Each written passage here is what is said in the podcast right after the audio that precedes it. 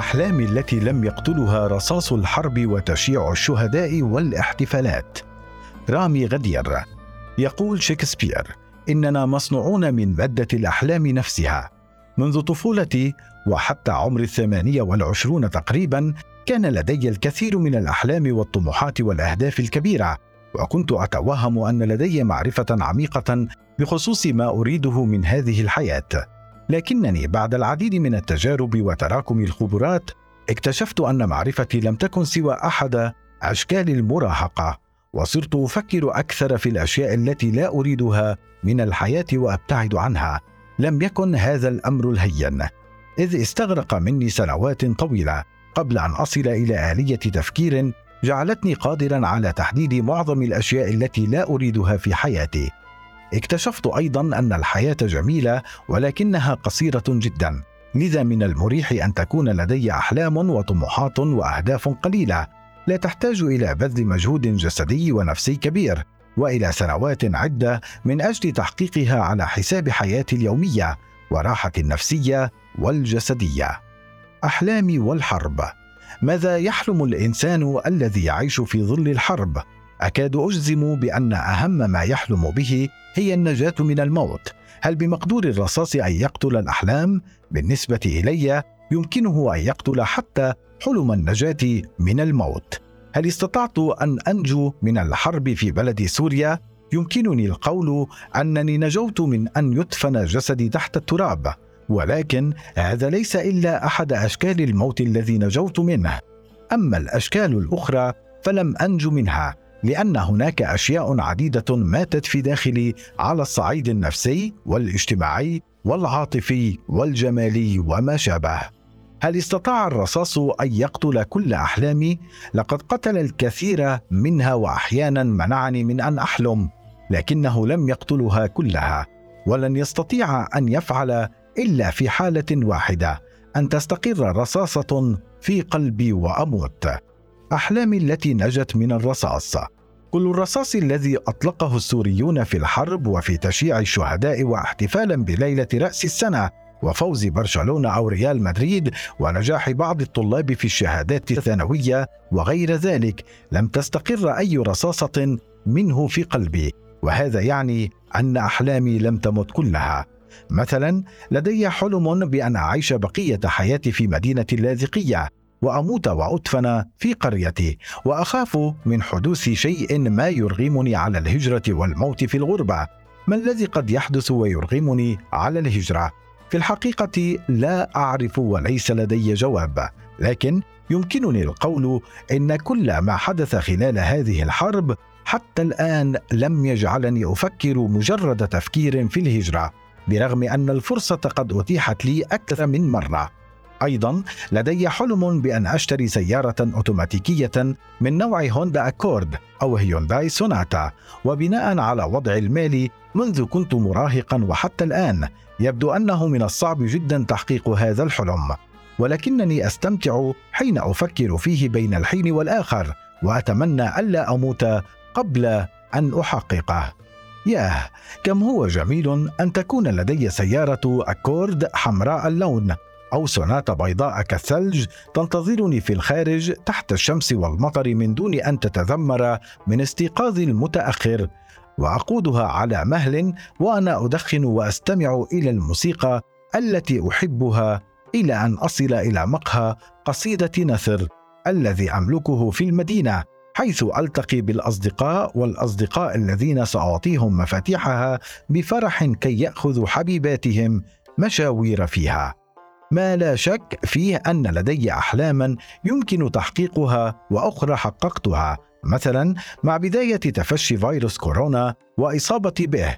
بدأت أحلم بالحصول على الصحة الجسدية ما جعلني أقوم بإجراء بعض التغييرات على نمط حياتي السابقة بداية من نظام التغذية الصحي وممارسة الرياضة بشكل شبه يومي وانتهاء بالعمل كمزارع وقد نجحت إلى حد كبير في تحقيق هذا الحلم إلى درجة أن الأمر انعكس بشكل إيجابي على صحتي الجسدية والنفسية معا. أحلام فوق بشرية. أيضا لدي أحلام فوق بشرية. تمتعني وتبهجني برغم أنها مستحيلة. هذه الأحلام لها علاقة بزمن الآلهة آلهة الحب والجمال وغير ذلك. مثلا في إحدى الليالي وبينما كنت أشرب العرق بعد منتصف الليل في غرفتي تخيلت كبير الآلهة يطل علي من الشباك ويقول نيالك يا عرس عم تشرب عرق؟ مبتسما ومن دون أن أتفاجأ عرق عنب شو رأيك تشاركني؟ وبأسف يرد كنت بتمنى بس ما عندي وقت. خلينا بالمهم. أنا جاي كلفك بمهمة إجراء بعض التعديلات على البشر خلال حياتهم وبعد مماتهم. وإلك الحرية المطلقة بإجراء أي تعديل بدك إياه. ثم يرمي لي من الشباك خسة صغيرة ويقول بس تخلص أكل هالخسة رح يصير عندك قوة إلهية. بعد أكل الخسة وشرب الكأس الرابع من العرق أشعر بالحماسة وعلى الفور أفتح لابتوبي وأكتب التعديلات. بلعوم خاص. للتنفس بجانب البلعوم الموجود مسبقا والذي ستصبح مهمته البلع فقط. لماذا البلعوم الإضافي؟ لأنه من السخف أن يموت الإنسان أو يوشك على الموت بسبب دخول شيء ما بالخطأ في مجرى التنفس. هذا ما حدث معي أكثر من مرة. وإحداها كانت قبل سنة وأنا أبتدع لعابي ولسبب ما تشردقت أي دخل اللعاب في مجرى التنفس وكدت أن أموت مختنقا. كم هو مؤسف وعبثي وسخيف أن يموت الإنسان مختنقا بلعابه. لا أحد يموت في مرحلة الطفولة والشباب. برأيي بعد أن يولد الكائن الحي من العبث أن يموت وهو طفل أو شاب قبل أن يجرب عيش الحياة بكل ما فيها من تعب وفرح. لن تكون هناك حروب ولا أمراض خطيرة وقاتلة ولا نوبات قلق وهلع وحالات اكتئاب وما شابه لأنه لا يوجد شيء أبشع من الألم الجسدي والنفسي في الوجود كله. فصل عمر الإنسان عن الوقت والأيام والسنوات جعله مرتبطا بعدد الخطوات التي يمشيها. يتم حساب الخطوة المتعلقة بالعمر الخطوة العمرية بناء على كل حركة قدم تجعل الإنسان بكامل جسده يقطع مسافة ما. بما أن العمر يقاس بالخطوات لن يكون هناك بشر غير قادرين على المشي وفي حال التعرض لحادث ما نتج عنه عطب في القدمين أو العمود الفقري ستكون هناك ميزة الترميم الذاتي والتي يمكنها إصلاح أي عضو مسؤول عن المشي خلال مدة أقصاها شهر. البشر كلهم متساوون في مدة الحياة التي سيعيشونها والتي تعادل كحد أعلى 125 عاما وكحد أدنى 50 عاما. بالطبع جميعهم ستكون لديهم معرفة بذلك وبأن من يسرف في إنفاق خطواته أي عمره يموت باكرا والعكس صحيح. البخلاء فقط يموتون في سن المئة وخمسة وعشرون سنة. يموت الإنسان خلال جزء من الثانية من دون أن يدرك بأنه يموت ومن دون أي ألم. ببساطة يتوقف الشخص عن الحركة حين يخطو آخر خطوة له ويموت واقفا.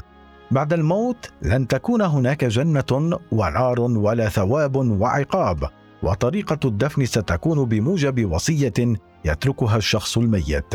تنتقل ذاكرة الشخص الميت بكل ما فيها من معرفة وخبرات وذكريات وما شابه إلى عالم آخر وتحل في جسد مادي مغاير لجسد الكائن البشري الحالي ولكن بميزات ومتع مادية ونفسية أكثر تطورا.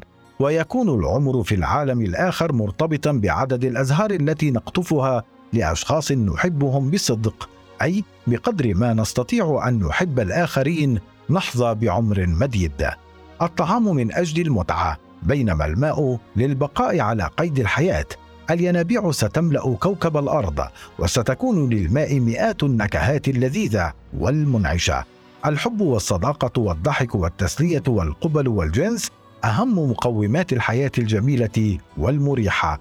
المعنى الوحيد لوجود الإنسان هو أن يعيش حياته بمتعة وفرح ولا يؤذي الآخرين. سيكون هناك كتاب صغير يمكن لكل البشر الاطلاع عليه مكتوب فيه البنود التي ذكرتها أعلاه كلها مع شروحات وأمثلة لكل بند بالإضافة إلى عدد من الأجوبة عن تساؤلات مصيرية ومقلقة حول الحياة والموت. بالتأكيد هناك سلبيات لهذه التعديلات ولكن برأيي الإيجابيات جوهرية وأكثر أهمية. فمثلا لن يموت أي إنسان من الجوع أو العطش أو الحرب. لن يكون هناك ألم جسدي رهيب وغير محتمل ولا أمراض واضطرابات نفسية قد تؤدي إلى الاكتئاب أو الانتحار. طريقة الموت ستكون مريحة وبسيطة وخاليه من الألم والرعب. ستكون هناك معرفة شبه كاملة للبشر عن حياتهم وكيف يموتون ومصيرهم بعد الموت. غدا حين تستيقظون تفقدوا أعناقكم واشربوا الماء وتنفسوا بعمق فقد تجدون شيئا ما قد تغير.